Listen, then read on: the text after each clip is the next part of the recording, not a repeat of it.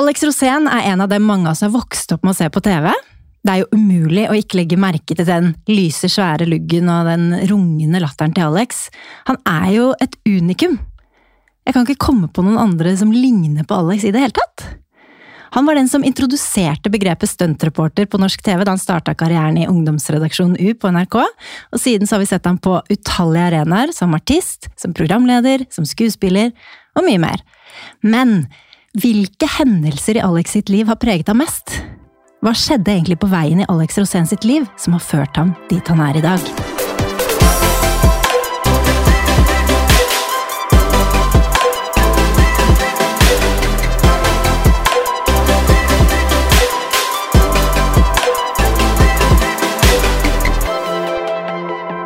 Velkommen! Takk, takk, takk. Ja, hva skjedde på veien? Ja, det skjedde jo veldig mye. Veldig mye. Ja, veldig mye. Det har skjedd det hele tiden, egentlig. Jeg har litt oversikt over årene, fordi årene har jo vært veldig sånn forandrende. Det har jo skjedd sånne ting som har gjort at jeg har blitt sånn wow. Og, men jeg tror det er det som har preget meg aller mest, det er når folk dør. Ja, Og det skal jeg, vi snakke litt mer om òg. Ja, da går jeg helt tilbake til bestefar. Helt tilbake. til. For jeg husker jo begge bestefedrene mine, og bestemor. Og alt det som de ga av trygghet da jeg var liten. Og det er sånn som preget meg. Jeg husker mitt første dødsfall. Det var veldig Det var sånn Det var veldig skremmende, for da var jeg bare syv år eller seks år. Og jeg husker han så godt. Det var min farfar. Arthur Rosén. Han var den første som ga ut Alf Prøysen i Norge i 1943 eller 44. Under krigen. På hvilken måte ga han ut Alf Prøysen da? Han var forlegger. Han hadde Roséns forlag, og det tror jeg var sånn 1920 til 1930, 1940, og etter krigen så begynte han i bystyret i Oslo, og da forsvant det forlaget. Men det var jo før eh, man kunne selge et forlag til mange millioner, sånn som man kan i dag. Men eh, jeg tror det forlaget bare oppløste seg. Men det fins i sånne antikvariater og sånn. Da finner jeg av og til bøker som er gitt ut av han. da. Og det er alt mulig rart. Alt fra hjortefot liksom, til Alf Prøysen. Hvordan preget det dødsfallet deg? da? Hva husker du fra det? Det husker jeg mest at det var da jeg første gang var alene, for jeg måtte opp og liksom gi en blomst på graven. Og det grua jeg meg til. Det ble på en måte mitt første, mitt første show. Altså, Uten at det egentlig var et funny show, for det var nitrist. Men det var jo det at han hadde dødd. Og det var da mitt første møte med det at folk kunne dø. Og så er det det at jeg har jo alltid vært glad i alle de folka som har dødd. Og så er det det at det var første gang, så det husker jeg så veldig godt. 1976, jeg var syv år. Du, Vi skal snakke mye mer om disse dødsfallene som har vært med å prege livet ditt litt senere. Men først så vil jeg bare høre litt med deg om status nå om dagen. Du har vært på turné med Alex Rosén and The Young Dudes, det er bandet ditt. Ja, Hvordan var turneen? Helt utrolig. Vi hadde jo bussen til Metallica. Sånn nightliner. Sånn svær, vet du, du Og kan en som sove. ligner på bussen til Metallica, Ja. ikke selve bussen. Nei, men den er helt lik. Nettopp. Helt lik. Det er som Tesla X. Den ser alltid lik ut. Men det er jo de store bandene i USA som bruker sånn buss. Er det et poeng for deg da å ha en sånn buss på den Ja, det, nei, det var ikke noe jeg krevde. Jeg bare fikk den. Ja, så Den herlig. Den arrangøren hadde bare ordna sånn buss. for vi skulle kjøre rundt. Vi var i Haugesund, og så var vi i Stavanger, og så var vi i Flekkefjord, og så var vi i Mandal. Og det var kjempegøy, for det var jo den første turneen vi har hatt siden korona slapp taket. Og, men det var jo så bra, vet du, fordi alle var jo så klare for fest. Ja. Så det var jo fulle hus overalt. Overtenning? Ja, og het overtenning, og helt og vanvittig slitsomt. Jeg var jo helt skutt hver eneste dag, og så var det opp på scenen igjen. Og det bare for å vise meg at det er, det er veldig mye stamina å gå på scenen dag ut, dag inn, dag ut, dag inn. Du blir jo, det er jo som en idrettsøvelse hver eneste gang. Dere fikk jo fantastiske anmeldelser, da. Ja, helt utrolig. Vi fikk jo sex. Femmere og seksere, og folk var helt over seg og mente at du lyste opp og eh, Ja. var en stjerne, og det var ikke måte på. Ja, så var det nytt manus også. Og det var veldig gøy, da, for jeg snakker jo veldig mye om fremtiden. Hvordan det kommer til å bli i det Fordi, showet. Når du sier nytt manus, så mener du da det du snakker om mellom sangene og liksom binder showet sammen med? Ja, for Fordi at etter korona så ble det manuset litt forandra? Ja, og så var det det at eh, ja, korona gjorde jo veldig mye opp ned på hele min situasjon. Jeg mista 20, nei, eller 50 jobber når eh, korona kom. Jeg Fortell litt om det. Ja, da var jeg, jeg var kommer. på turné, jeg husker Hva det skjer med deg? kjempegodt. Ja, men jeg husker det kjempegodt når alt det der skjedde, fordi at det, eh, det hadde jo pågått i Kina en stund. Og så så man jo at det skjedde i Italia, og da hadde det jo ikke kommet til Norge ennå. Og så uh, tenkte jeg at dette her er veldig farlig, fordi jeg er en klok mann egentlig når det kommer til smittevern og sykdommer. Uh, og da tenkte jeg på ungene mine. De må jeg få bort fra skolen. Så jeg tok de ut tre dager før alle andre gjorde det. Og da fikk jeg sånn telefon fra læreren på skolen og sa sånn her, er ikke dette litt overilt? Og så jeg nei, det er ikke overilt, for nå begynner det. Jeg visste at det kom, at det kom til å bli lockdown. Mm. Og det var fordi at jeg så jo at de sveiset jo igjen leiligheter og sånn i Kina. Og da visste jeg at dette her kommer til å ta et av. Og da tenkte jeg på kidsa, og da hadde jeg seilbåt, så da bare seilte vi ut på havet. Og så tok med iPaden, selvfølgelig, og så ble det hjemmeskole i en måned i den båten. Og det var bare helt utrolig. Det var jo sommerferie i mars. Men reiste dere ut på havet med seilbåten før havet. lockdown kom, eller? Ja, nei, vi holdt oss egentlig Ja, eh, akkurat når lockdown kom, da var vi ute. Ja, Så du var... hadde forutsett dette rimelig korrekt, egentlig? Ja. ja og så var det det at det gikk jo bare en dag før alle måtte hjem fra skolen. Og da var jo den læreren Yes, du var litt eh, tidlig på, men det var jo ikke så dumt, det, for alle andre måtte jo gjøre det rett etterpå. Men det var bare fordi jeg var sikker på at det var mye verre egentlig enn det det var. Nå var det jo veldig ille også, men eh, jeg hadde en litt sånn Jeg har jo lest masse, og jeg har masse venner som driver med medisin, så jeg visste at det kunne komme en sånn sykdom, og vi hadde jo egentlig fått warnings i mange, mange år før dette her, at man måtte lage planer og politikerne snakket om det, og legene snakket om det, sånn at jeg hadde det i meg at det, det her er, kunne være ille. Og så leste jeg masse om det viruset også, og om hvordan det fungerte, det viruset, og at det ikke hadde vært så mye av den type sykdom før og at dette her var veldig smittsomt og bla, bla, bla. Så da bare tenkte jeg at eh, dette her går ikke, nå må vi dra ut og seile. Og det som var så utrolig bra da, var at jeg, jeg dro bare ut til Middagsbukta. Jeg dro ikke ut på havet, men til Middagsbukta. Det er rett utenfor Oslo, i ja. Oslofjorden. Og der kasta vi anker, og der blei vi. Og så ble jeg litt lei av å være der, og da dro vi over til Steilene, og så dro vi ut til Sandspollen, og så det er litt lenger ut, der ved Drøbak. Og så lå vi der, og så kjørte jeg gummibåten inn til Drøbak for å handle, da, med munnbind og det hørtes jo veldig hyggelig ut. Ja, det var veldig hyggelig. Det Men det jo, som ikke var så var... hyggelig, var jo at du mistet alle jobber. Ja, og det var veldig skremmende til å begynne med, men nå er jo jeg veldig privilegert, for jeg har jo vært i den bransjen her lenge. Så jeg har jo satt av masse. Så jeg har jo ikke sant, jeg, har, jeg kunne sikkert ha levd noen år uten å tjene penger, fordi eh, jeg har vært klok før. Og, og, og så, det må, ha vært mye verre for de som er 20 år, tenker jeg, som er artister, som er liksom i startgropa, og nå skal de legge grunnlaget. De har det mye verre enn meg. Jeg, for jeg har jo vært en, en lur rev, egentlig. og bare, Så for meg skadet det egentlig ingenting. Det, og så, dessuten så ble det litt fri, jeg kunne begynne å lese bøker igjen, jeg kunne sette meg inn i helt nye situasjoner. Samtidig så ble jeg jo lærer.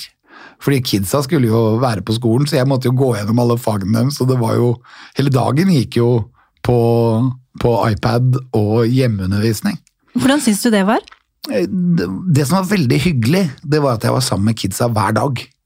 Og at vi gikk en tur med bikkja. Det var bare opp i gummibåten, inn på land, bikkja måtte lufte seg litt. og Så var det, så vi var liksom på ekspedisjon samtidig som vi hadde hjemmeskole, og det var veldig hyggelig. Det var helt utrolig, faktisk. Og det, det tror jeg bare kunne ha skjedd eh, hvis vi hadde fått korona. For det har aldri skjedd før. Det, og jeg har alltid vært sånn at eh, jeg prøver alltid å se på lyset i tunnelen istedenfor å henge meg opp i det mørke og det triste. og, og sånn, Så ser jeg alltid prøv alltid å være lykkelig og glad. Og da er det sånn, da må vi jo bare finne på ting, da.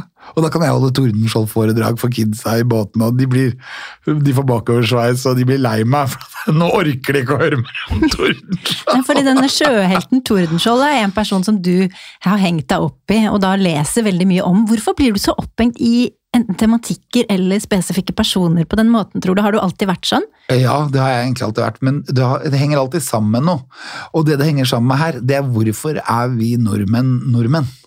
Hvorfor er Norge et land? Og, hvordan, og, og, så sier noen mennesker at Norge er et lite land, og at ikke vi har noen betydninger utenfor Norge. Og vi er jo på en måte en liten blindvei, men vi er så mye mer viktigere enn det. Og det når vi sier at lille Norge, det er ansvarsfraskrivelse. Så at vi kan ikke si det, for vi er egentlig supermakt i veldig mange forskjellige uh, områder, f.eks. olje. Eh, en annen er skipsfart.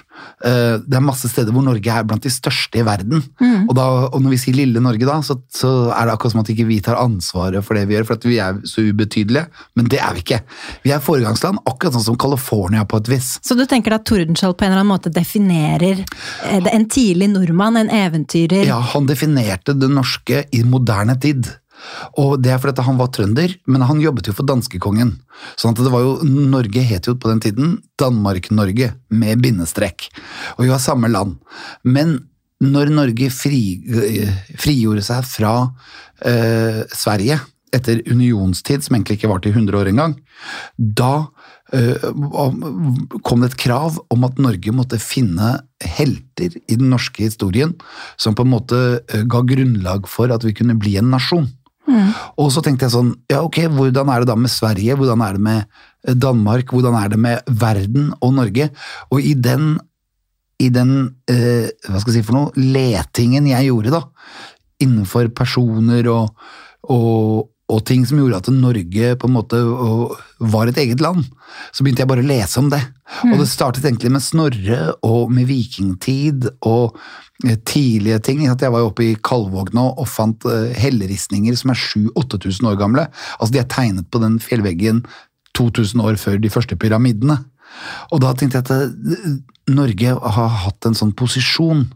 Og Det startet egentlig med Berserk-ekspedisjonene, for da gikk jeg gjennom vikingtida. Da fant jeg jo vikingen Ottar, som ga oss navn. Norway, eller Norveg, som han fortalte altså veien mot nord, mot ødemarkene. Og uh, da tenkte jeg at det navnet kom altså inn i vår bevissthet 500 år før Sverige fikk sitt navn. Ja. Og det er litt utrolig. Og Men identifiserer så- du deg litt med folk som Tordenskjold? Ja, på mange måter. Fordi, og det er litt sånn typisk norsk, fordi han ble jo plukket ut som en sånn helt av Fridtjof Nansen og av disse som skapte Norge i 1905. Og I 1910 så var det en folkeundersøkelse i Norge hvor folk skulle fortelle hvem som var heltene deres. Og det var barna som ble spurt. Og barna de oppga nummer én, det var Jesus. Nummer to var Tordenskjold. Nummer tre var Gud. Så han har hatt en sånn stor plassering i norsk um, eh, conscious, altså i, i Bevisstheten til nordmenn. Ja, Mm, og historien vår. Ja. Og, og, og nå i dag så har jo Tordenskjold da plasser overalt. I alle byer så har han enten en gate, et gatekjøkken eller en bingo. Eller han har en, en plass. Det er masse sånne ting. Og da tenkte jeg at han fyren der er litt interessant, han må jeg vite mer om. Og han ble tatt ut av pensum i 1937, sånn at våre foreldre har ikke så peiling på Tordenskjold. Men besteforeldrene våre hadde han som pensum på skolen. Og jeg husker jo bestefar snakket jo plutselig om Tordenskjold. Ja. Ja. her var Tordenskjold, og så kom det en sånn Tordenskjold-tirade. Men jeg fikk aldri vite noe mer. Men når du holder foredrag, for eksempel, for det gjør du, om Tordenskjold, og fletter det inn gjerne der, du, eh, eh, der det passer seg, Ja, Og der jeg er. og der du er, får du mye tilbakemelding fra salen, eller er det spesielt når det er folk over 75? Ja, må, der må jeg være veldig forsiktig. Fordi at hvis jeg snakker med yngre folk, så må det ikke være, bli tidtrøyte. Nei. Sånn at jeg kan ikke bare stå og være historisk, da må, jeg, da må jeg putte det inn i sånne sammenhenger, eller bygninger vi ser utenfor der jeg holder foredrag, eller er du i Fredrikstad, så er det jo lett å gjøre det. Er jeg i Stavern, er det lett å gjøre det. Er jeg i Bergen, så er det ikke så lett, for Tordenskjold var aldri i Bergen. Sånn at, det, eh, men, men jeg pleier alltid å, å snakke da om Sverige og Norge og Danmark. Og det er, Vår kulturhistorie henger veldig tett bundet opp med Danmark. Vi har nesten ingen kulturhistorie med Sverige. Så når vi var i union med Sverige, så var Norge egentlig ulykkelig. Og det er litt rart, for vi har jo grensen med Sverige hele veien. Men Sverige har vært litt for seg selv. Sverige har vært supermaktet. Og når Karl 12. døde på Fredriksten festning i Halden, da var Sverige et helt annet land. Og ikke bare et annet land, de var helt annerledes i hodet og i tankegangen til nordmenn. Og det kan du se på språket. Hvis du leser en svensk bok, så er det problemer, for det er mange ord du ikke forstår. Altså, dette her er superinteressant, og jeg kjenner at det kunne nesten vært en egen podkastepisode, hvor vi gikk litt mer sånn historisk til verks. Ja. Men nå, Alex, har vi kommet til spalten Wikipedia, og jeg går gjennom litt av din karriere. Ja. Er du klar for det? Ja. Alex Rosén, født Jon Alexander Rosén, ble født 11. mars 1968 i Oslo. Han er en norsk komiker, musiker og programleder. Det er lov å stoppe meg hvis det er noe som er riv ruskende gærent, bare så du vet det. Ja, ja, ja, ja. Men det høres bra ut så langt, eller? Ja. det er bra. Rosén startet karrieren som sanger i band, kombinert med oppdrag som stuntreporter for NRKs ungdomsprogram U 91-92. Etter det gjorde han humoristiske innslag som stuntreporter i talkshowet Vise 96-98, og tilsvarende i NRKs sendinger fra vinter-OL i Nagano i 1998. Deretter fikk han prøve seg som programleder i NRK. Først i det Gonzo-aktige intervjuprogrammet Alex Rosén i 97 og 98. Deretter i reise- og portrettprogrammet Folk i farta, og i portrettserien Dagen er din. I 2003 deltok han i den delvis omstridte reisedokumentaren Berserk mot Nordpolen sammen med eventyrer Jarle Andøy og amerikaneren Davies Mercy. Han har også vært dommer i TV 2s talentprogram Norske Talenter, samt vært deltaker i TV 2s Skal vi danse, NRKs Stjernekamp, TV 2s realityserie Farmen kjendis. I 2020 var han den ene frontfiguren i TV 2s reiseserie Alex og Aune sammen med kunstneren Aune Sand. I tillegg har han siden 2017 ledet sitt eget radioprogram på radiokanalen Radio Rock, som også for så vidt er en podkast.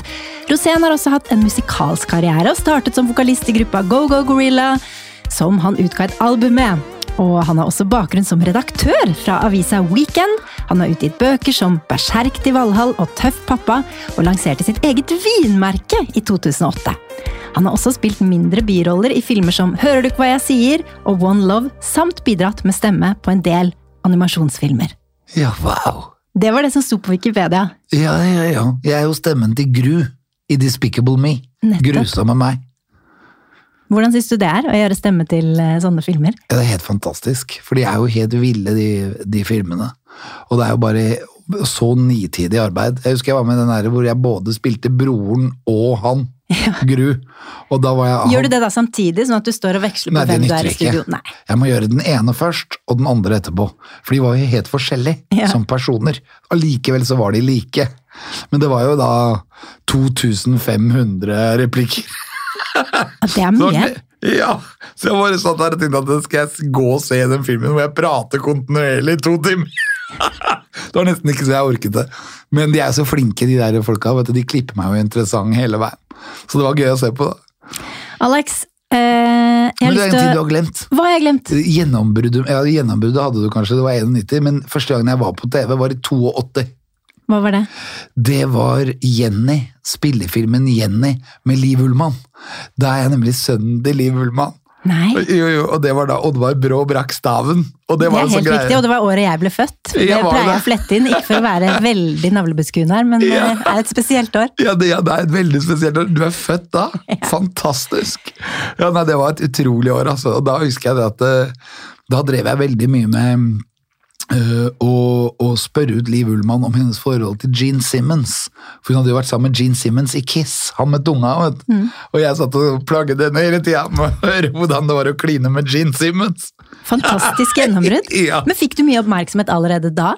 Nei, for det jo på en måte, da, men det var med på skolen og sånn. Jeg spilte jo mye sånn gitar i skolehagen, og hver gang det var noe som skjedde på skolen, så skulle jeg gjøre et show. Jeg husker jeg var med i alle Var det teater som skulle være på skolen, så var jeg med i det. For å ta oss litt tilbake da, til 1968 i Ja, Oslo. ja. Da blir du født.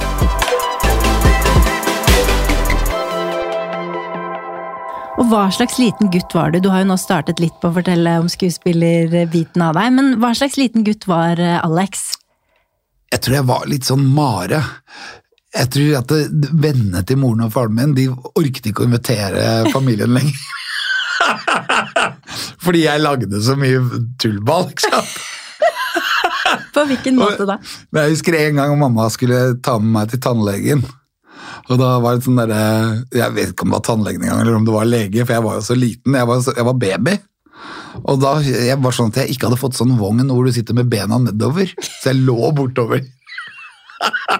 og jeg er jo dritung. Jeg er jo sånn Du var tung da òg. Ja, men jeg husker det så godt, fordi at det, det kan hende at mamma har fortalt meg det. Men da reiste jeg meg opp i vogna. Da var det på sånn der, Vi skulle kjøre tog fra Sandvika og inn til Oslo, for da bodde vi på Jungskollen. Og så kjørte vi, og så var det hele vogna helt full av folk. Så satt folk langt, langt bakover. Og jeg reiste meg opp i vogna, og så sa jeg bare eh, Mamma, mamma, nå må du slutte å slå meg! hele vogna snudde seg så på mamma. Og mamma ble drøv. Hun hadde aldri slått meg i det hele tatt. Men det var noe med at jeg fikk så bra oppmerksomhet av den trikken hver gang jeg sa sånne ting. Og da var jeg jo veldig liten, altså. Og det, var, det, det tror jeg var meg som barn, at jeg, jeg hadde det veldig gøy. Det var alltid moro. Hver eneste dag var moro. Jeg våknet opp, og så var jeg så glad. Og så tenkte jeg at det var alltid gøy å gjøre morsomme ting, og pappa ble så irritert. Alltid var han forbanna, ikke sant? Fordi jeg var da helt umulig å ha med å gjøre. Så når jeg var seks år, så fant pappaen min ut at jeg kunne ikke eh, gå i barnehagen lenger. Jeg måtte begynne på skolen. Så jeg begynte ett år før alle andre. Så jeg, var, jeg gikk alltid på skole med folk som var født i 67, men jeg er født i mars i 68. Så jeg var seks år da jeg begynte på skolen. Ja, hvordan var du etter hvert da, som seks, syv, åtteåring i første, andre, yngst. tredje klasse? Alltid yngst. Ja, så jeg måtte alltid gå gjennom sånne tester på om jeg var moden. Men for, trengte du da hevde deg litt ekstra fordi du var yngst, tror du? Eh, Ja, det kan godt hende. Jeg var jo eh, jeg var nok et lurveleven for veldig mange av mine medelever, for jeg ble alltid flyttet foran i klasserommet, sånn at læreren kunne nå meg med linjalen. Bang! Så det det var fra første klasse, det at jeg var i, i helt på, på den pulten som sto inntil kateteret. Der, der, der satt jeg. Da hadde de kontroll på deg. Ja, og de var veldig, veldig strenge, men på en måte så tenkte jeg sånn at eh, jeg er jo så snill, egentlig. Så selv om jeg er frekk, eller selv om jeg gjør ting som, ikke, som gjør at folk blir sure, så kommer jeg unna med det. Og det gjorde jeg jo hver gang. så jeg hadde jo veldig godt forhold til min lærer, men hun var veldig oppgitt over meg, men allikevel så er hun veldig glad i meg i dag, da. Men du var med på skoleteater og utviste en litt sånn eh, interesse mot dette? Å være skuespiller og stå foran og sånn? Ja, men jeg tenkte ikke så mye på det, egentlig. Det var vel mer det at eh, når det skjedde noe, så måtte jeg være med. Det var helt sånn- naturlig for deg? Ja, og da tenkte jeg at da måtte jeg ha en rolle. Og så fikk jeg alltid hovedrollene. så var det Jeppe på Bjerget, så var jeg Jeppe. Ikke sant? Det var eh, Jeg hadde alltid sånne, sånne type roller. Og så husker jeg det at eh, Og det gikk jo veldig bra gjennom barneskolen. Hva slags familie er du vokst opp i? Jeg vokste opp i en sånn veldig konservativ familie, egentlig. Men de har vært kunstnere.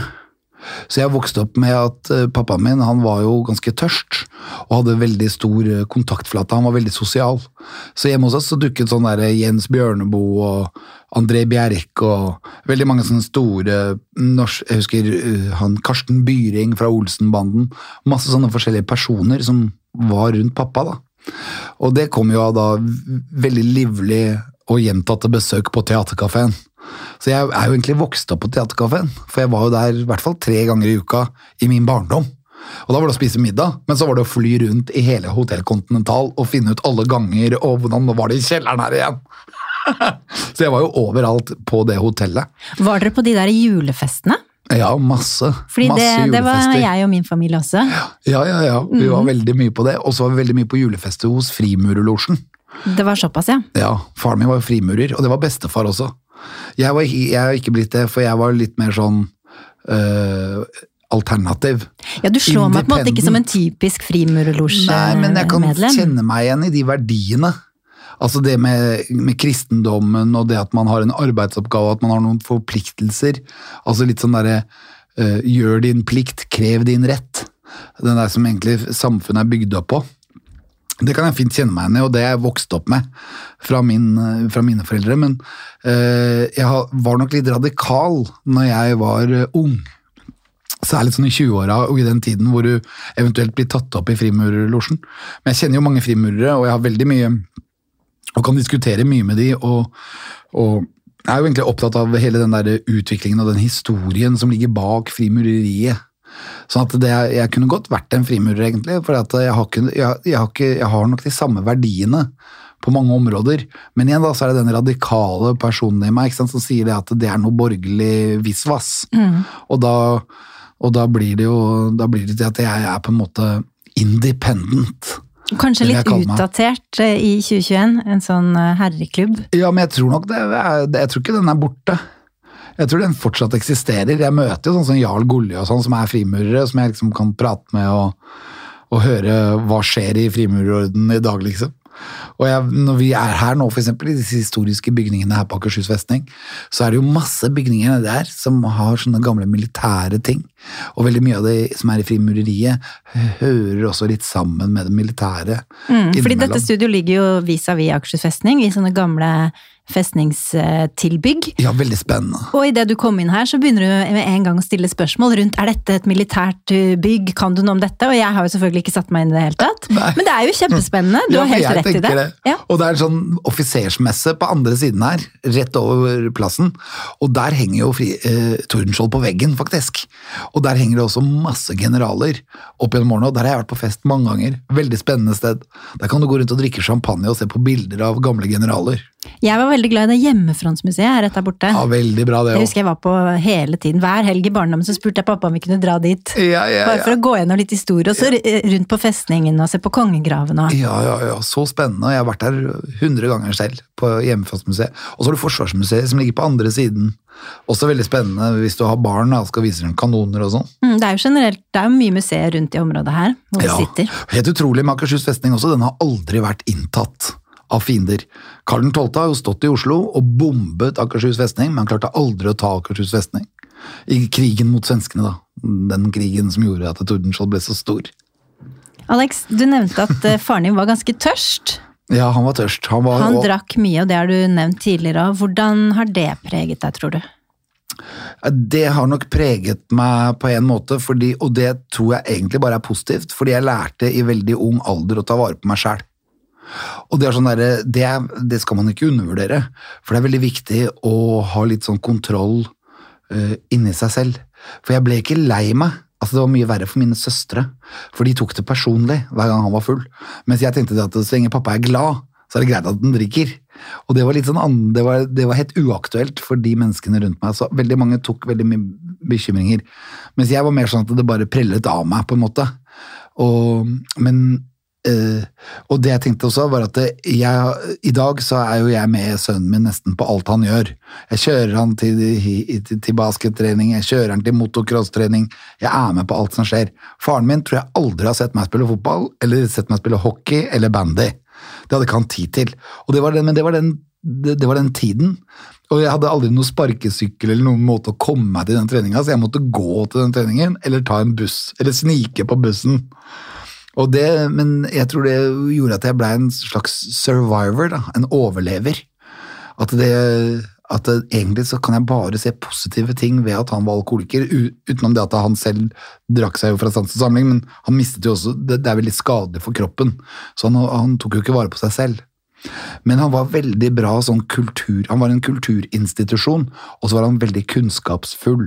Sånn at han hele tiden lærte meg veldig mye. Han var egentlig en veldig bra far, selv om han var tørst. Uh, og jeg klarer nok ikke å være så bra far, har jeg inntrykk av selv, da. Fordi uh, jeg husker ikke alle de tingene han sa til meg som gjorde at eh, jeg blei så bra kar. For ja, det sa han jo hele tiden. Sånn som den derre 'gjør din plikt, krev din rett', og alt du sier skal krysse tre broer. Og den første broen, er det sant, det du sier? Den andre broen, er det nødvendig, det du sier? Er det nødvendig å si det? Og den tredje broen, som er den viktigste broen, er det kjærlig? For hvis det ikke er kjærlig, så skal du ikke si det. Da skal du holde det for deg selv. Og det er sånne bra livsvisdom som gjør at eh, samkvemmet mellom mennesker blir mye bedre. Fordi at hvis, du, hvis det er negativt det du skal si, og det bare er piss og dritt og, og møkk, liksom, så hold det for deg selv. For det er ingen andre som vil ha det, egentlig. Og skal du da gi eh, kritikk, da, så må den være konstruktiv, selvfølgelig, men den må være kjærlig. Må være, du må fokusere på det som er bra, og ikke fokusere på det som er dårlig. For det som er dårlig, det vil forsvinne når det blir bra og blir bedre. Eller når man legger vekt på det. Og det er sånne ting som faren min var veldig bra på, men som, hvor jeg da plutselig begriper til raseriet og blir forbanna. ikke sant? Og det ble jo faren min òg, men det hadde han jo god grunn til. For jeg trykket jo på de knappene på han som gjorde han sint. men det var jo gøy, ikke sant? for at han ble jo så innmari sint. Og så koste jeg meg litt når han var sint. Moren din, da? Hva slags forhold hadde du til henne? Uh, veldig bra. Hun var jo, jeg var jo alltid best.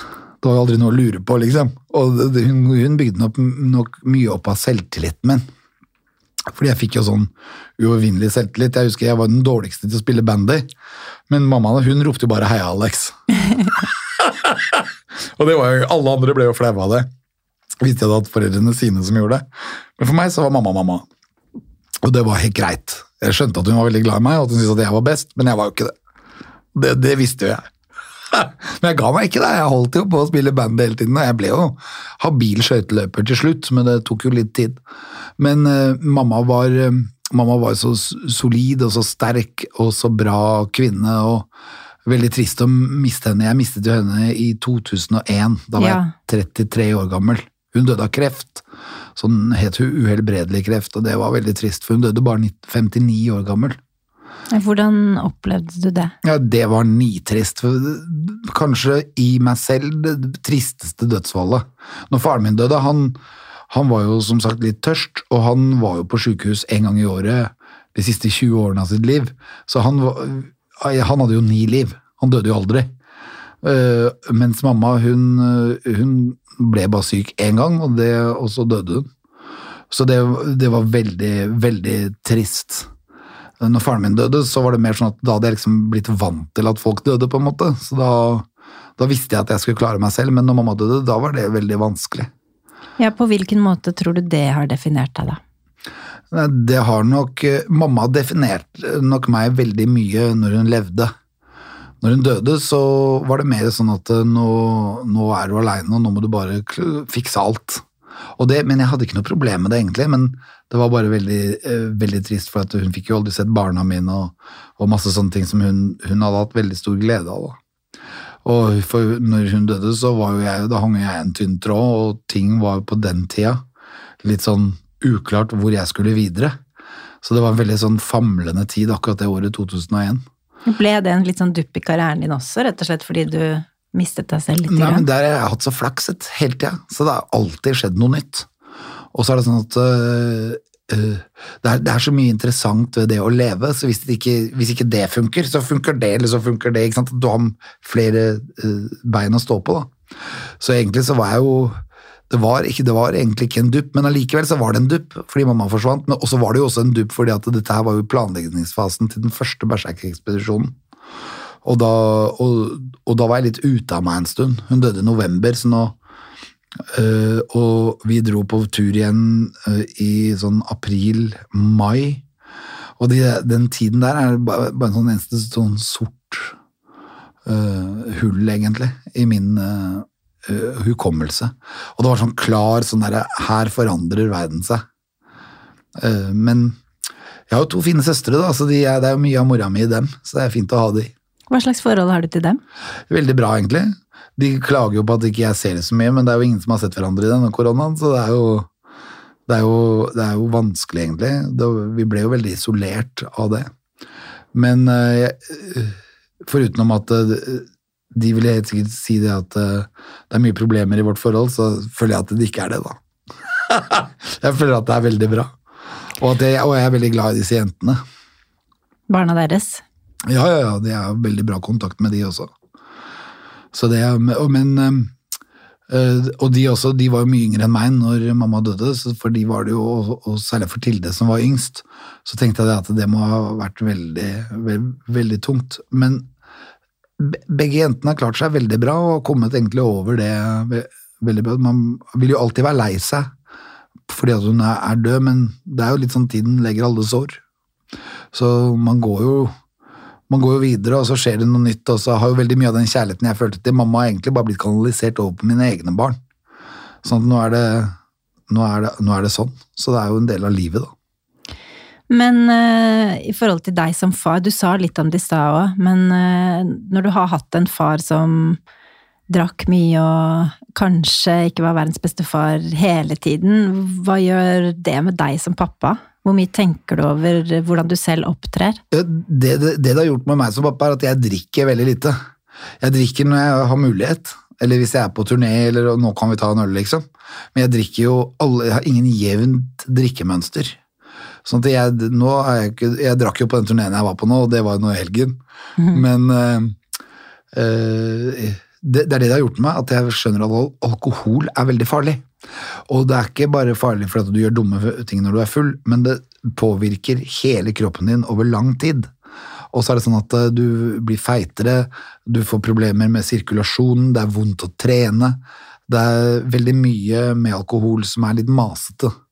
Og det var jo sånn, Pappa han hadde jo seks-sju sånne livsstilssykdommer, og de har jo jeg unngått, egentlig. i forhold til det at jeg ikke har det, den lysten på å drikke og drikke og drikke. Og, men det er veldig fort gjort å gjøre det, fordi alkohol er jo morsomt, og det er gøy, og, og man blir jo sikkert litt sånn um, sentimental, og man blir kunstnerisk kreativ, bla, bla, bla. Men allikevel så er det et eller annet som gjør at eh, jeg tror at hadde alkohol kommet i dag som rusmiddel, så hadde det blitt ulovlig, fordi det er faktisk det sterkeste. Det er veldig få ting som slår alkohol i å være sterkt. Eh, og ok, heroin er kanskje medisin, men i den sterkheten og det at du ødelegger leveren og nyrene og du får høyt blodtrykk og alt dette her, det, det tror jeg ikke du får så mye av de andre rusmidlene. Nå er ikke jeg sånn rusmiddelekspert, men jeg bare tenker sånn at alkohol det er kanskje den farligste av alle rusmidler.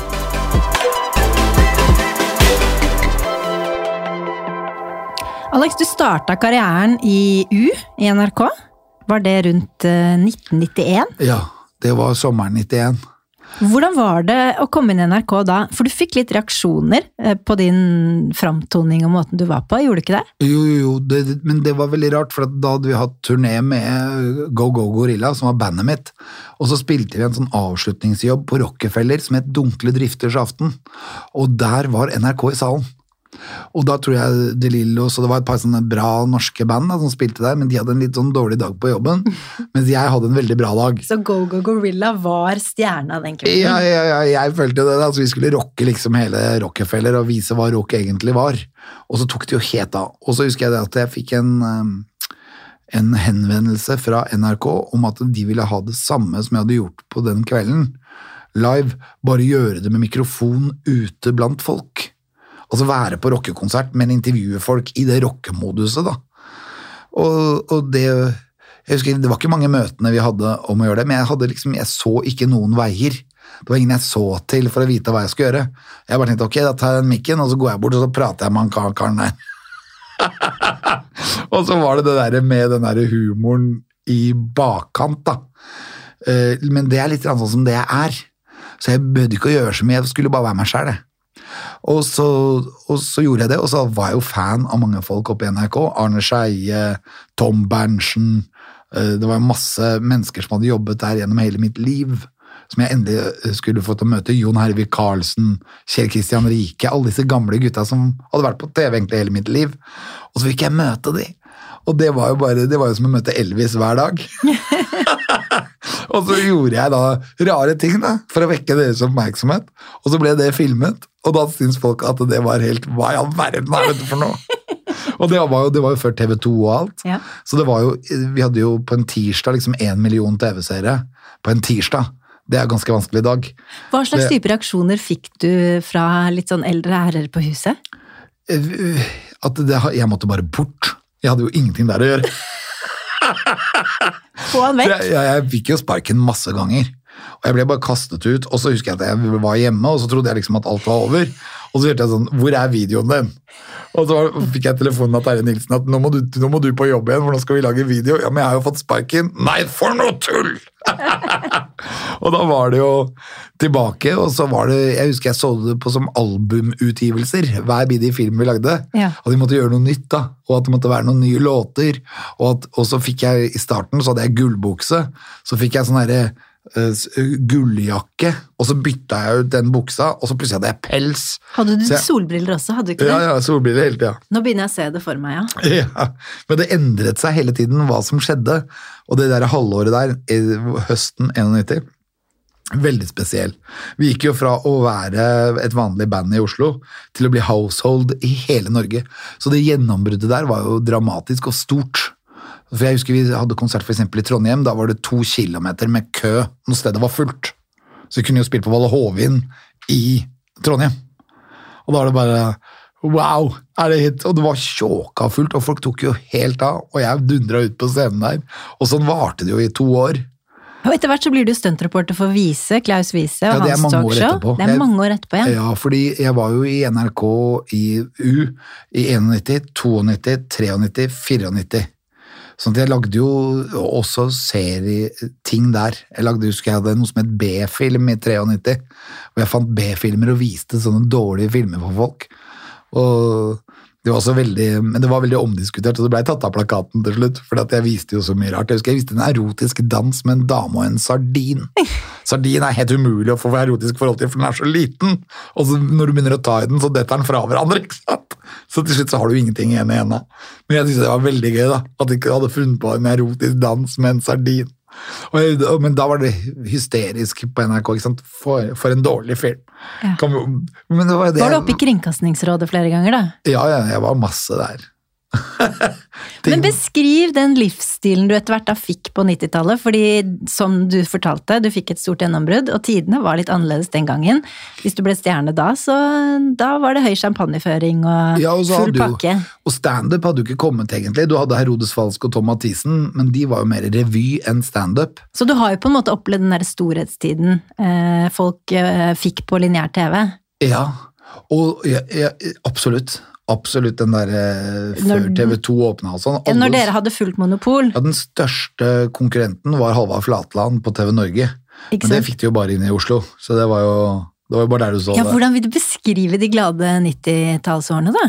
Det er helt fantastisk. Jeg sier som uh, Anne-Kat. Hærland sa, de som sier at de husker noe fra 90-tallet, de var ikke der.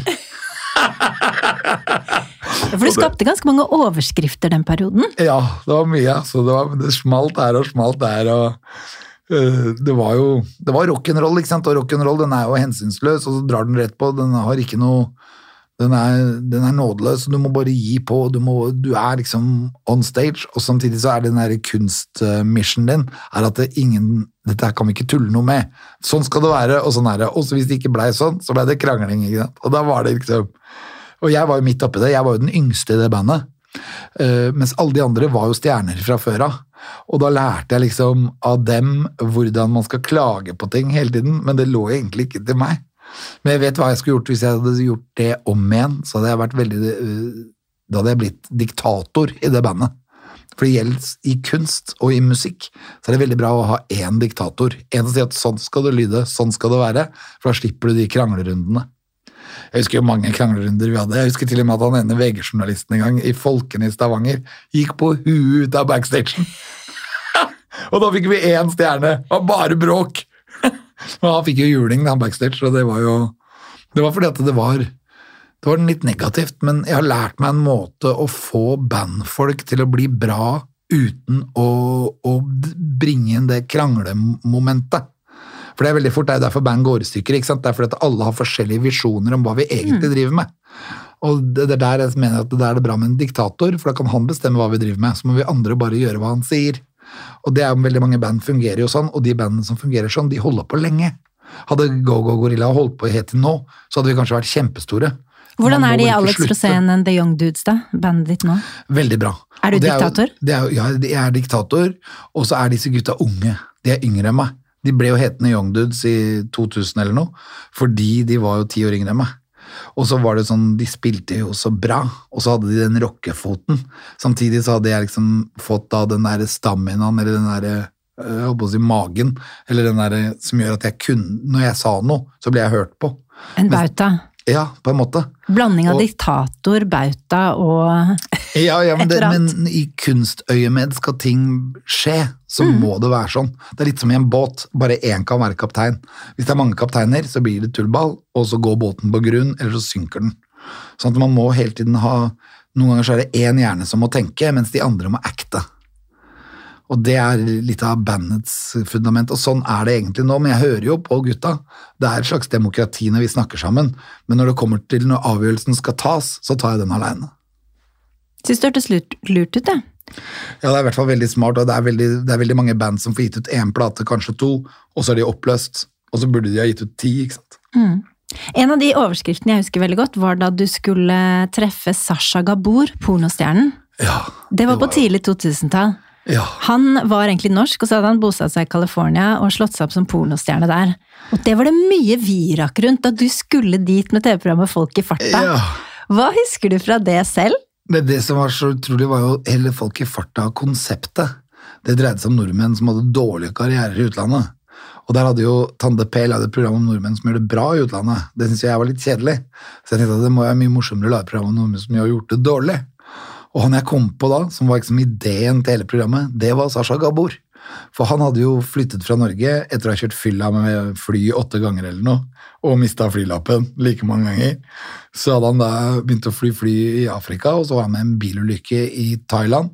Og da opererte han ansiktet sitt helt litt som Burt Reynolds. Og da ble han plutselig pornostjerne i USA, for de ville jo ha Burt Reynolds til å være pornostjerne. Men hvordan sånn visste du om han? Hvordan han, hadde du kommet over han? Første gang jeg møtte han, det var i 1983-84. Og da møtte jeg han på eh, trikken. På elvetrikken fra Kjelsås ned til byen. Jeg måtte alltid ta elvetrikken, for jeg bodde på Grefsen, men jeg gikk på Sandaker skole. Så jeg måtte ta den ned til Sandaker. Og når vi da kom ned på Sandaker, så, eller jeg tenker sånn Storo, så går plutselig Sasha Gabor på trikken. Og tenker jeg bare, Han så jeg på pornofilm i går. Du hadde sett han i pornofilm? Ja, for han var jo pornostjerne i 81, 82, 83. Så det var jo som Rocco Sifredi i 19, nei, 2001, ikke sant? Å, det er en fantastisk forhistorie. Den har ikke jeg hørt før. nei, men jeg hadde jo sett ham på pornofilm. Og så hadde jeg liksom akkurat sett ham på en sånn pornofilm hvor han var Burt Reynolds. Det var vel Smokey and the Bandit, bare pornoversjonen av den filmen. Og så kommer pornoskuespilleren på trikken i Oslo. Sånn, jeg men jeg trodde det var noen som hadde satt opp Er det smil til det skjulte kamera, liksom? Men da tenkte jeg at yes, hvorfor er han her liksom nå? Når han var på en pornofilm fra Los Angeles i går. Og da, da måtte jeg finne ut om han. Hva, hva, hans, hva er hans historie? Hvorfor, er, hvorfor snakker han norsk? Og så Han er jo da offer for Ungarn og det som skjedde i Ungarn etter annen verdenskrig. Så er det et opprør i Ungarn eller et eller annet som skjer sånn rundt noen og 50, uh, overgangen til 1960, 1961. Rundt den tida der så er det et eller annet som skjer i Ungarn, som gjør at Russland invaderer Ungarn og, og legger det under seg. Og da blir det en flyktningstrøm fra Ungarn, og der er, kommer Sasha til Norge med sin mor. I starten så klarte han jo ikke å få reisning på de pornofilmene, så han måtte jo ha stand-in på samleiescenene, men han kunne ha trynet, da. Så hver gang ansiktet hans var der, men han måtte ha en annen kar til å gjøre selve uh, action, for å kalle det det. Uh, og det var jo helt vilt. Jeg bare, og, så jeg har veldig mye research på han. Um, og, og, og, livet til Sasha er jo helt, helt, insane. I 2011 eller i 2010 eller 2012 eller rundt den tiden der, så dør jo Sasha i, i Thailand. Ti år etter at vi lagde programmet. Var det i begravelsen? Nei, fordi han døde i Thailand. Og jeg skjønte ikke helt hvordan begravelsen blei, om han er gravlagt i Thailand eller hva som skjedde. Det var veldig lite kommunikasjon rundt det, så jeg var ikke i begravelsen hans. Men eh når vi først hadde Sasha på blokka, så brukte vi den eh, det var utgangspunktet til alle de andre som var med i det programmet. Blant annet for eksempel Erling Lorentzen som var i kongefamilien. Jeg skulle til å spørre deg om det, nemlig, fordi det, det skapte også en del virak. fordi mye. Eh, det at dere på en måte ville sette han i et mer eller mindre dårlig lys. Ja, men det hadde han egentlig gjort selv. Ja, men han... Eh, dere ble beskyldt for å fyre opp under der, og det var ikke spesielt populært. Nei, men det var jo fordi at han jo, var jo inngiftet i kongefamilien. Og, men, eh, Var mannen til prinsesse Ragnhild. Ja, men når jeg spurte f.eks. om indianerne Vi møtte jo masse indianere ute i skauen der. Så tenkte jeg sånn Hvordan forholder du deg til indianerne når du hogger 300 000 trær i jungelen deres hver dag? Du stilte betimelige spørsmål i ja, dine øyne. Ja, ikke sant. Og jeg ville, ikke, jeg ville jo ikke bare være en sånn nikkedukke. Ja, hvorfor han var med i det programmet, var jo fordi han høgde 300 000 trær i Amazonasjungelen. Han som høgde mest trær i Amazonasjungelen, var norsk, liksom. Og det er jo fortsatt et problem at man hogger trær der. Eh, og da tenkte jeg at da måtte jeg snakke med de som kritiserte han, for å få begge sider av samme sak. Og det var det han var forbanna for. Fordi at han ene der, han sier jo det at uh, Lorentzen han hugger trærne og han jager indianerne rundt, mens Lorentzen hadde jo en helt annen versjon av det. Han mente jo at han var først der. Men uh, det var ingen hvite folk som var først i Amerika, det var indianere der. så det at indianerne var i jungelen hans, det var, det var Jeg skjønner at han så på det som et problem, men de var, var nå der. Og, og så, Han sa jo mye selv også, han sa jo at indianerne var late, de gadd jo ikke å jobbe. Og det er jo litt sånn politisk litt sånn kontroversielt å ta den eh, linjen, da. Og da, da hang jeg meg opp i det. Så det at jeg hang meg opp i det han sa, det var det som var problemet. Alex, du gjør jo utrolig mye forskjellig. Du står på scenen, du har shows, du er i rockeband, du har radioprogram og podkast på Radio Rock. Eh, hva tenker du blir det neste? Er det noe du føler at du ikke har oppnådd nå, etter å ha vært gjennom Du er utallige mange ting. Og det er så mange ting vi kunne snakket om, og som vi ikke har snakket om. Ja, ja, ja, men det jeg egentlig er mest opptatt av nå, det er fremtiden. For nå er, lever vi i en sånn fantastisk spennende tid. Bare i fjor så er det mer datatransaksjoner mellom datamaskiner enn i hele tiden vi har hatt datamaskiner. Og det dobler seg for hvert eneste år. Og det er jo helt utrolig. Det er en sånn grensesprengende mengde med informasjon som utveksles. Og akkurat nå så er vi jo på uh, on the brink for å reise ut i verdensrommet og okkupere andre planeter og bygge byer der. Og bygge bærekraftige samfunn. Og det er jo helt utrolig. Da blir jo jeg sånn wow! Så når jeg spør deg hva ser du for deg fremtiden, så er det nettopp fremtiden. Ja, helt riktig. Og så tenker jeg det at jeg skal øh, ta tak i det og, og, fortelle folk om hva som egentlig skjer, for det er veldig få som vet det. Hvis de ikke er veldig fan av Elon Musk eller uh, en eller annen som uh, for eksempel Apple, altså dette, dette, datasystemet som nå kommer til å eksplodere, bare Starlink, ikke sant, som er altså uh, 12 000 satellitter som skal gå rundt og gi oss gratis internett fra verdensrommet. Det er jo ikke så mange som vet nå, men det er jo i full gang. Og det er, det er, ganske utrolig. Og det tror jeg kommer til å bli en revolusjon, og jeg tror vi kommer til å se veldig mye forandringer uh, bare, i de, bare, i de, årene som kommer nå. Neste år, neste år der igjen. Hvordan ser verden ut da, liksom? Når vi ikke bør betale for internett. Alex, tusen takk for at du var med i podkasten. ja, tusen takk. Det var veldig hyggelig.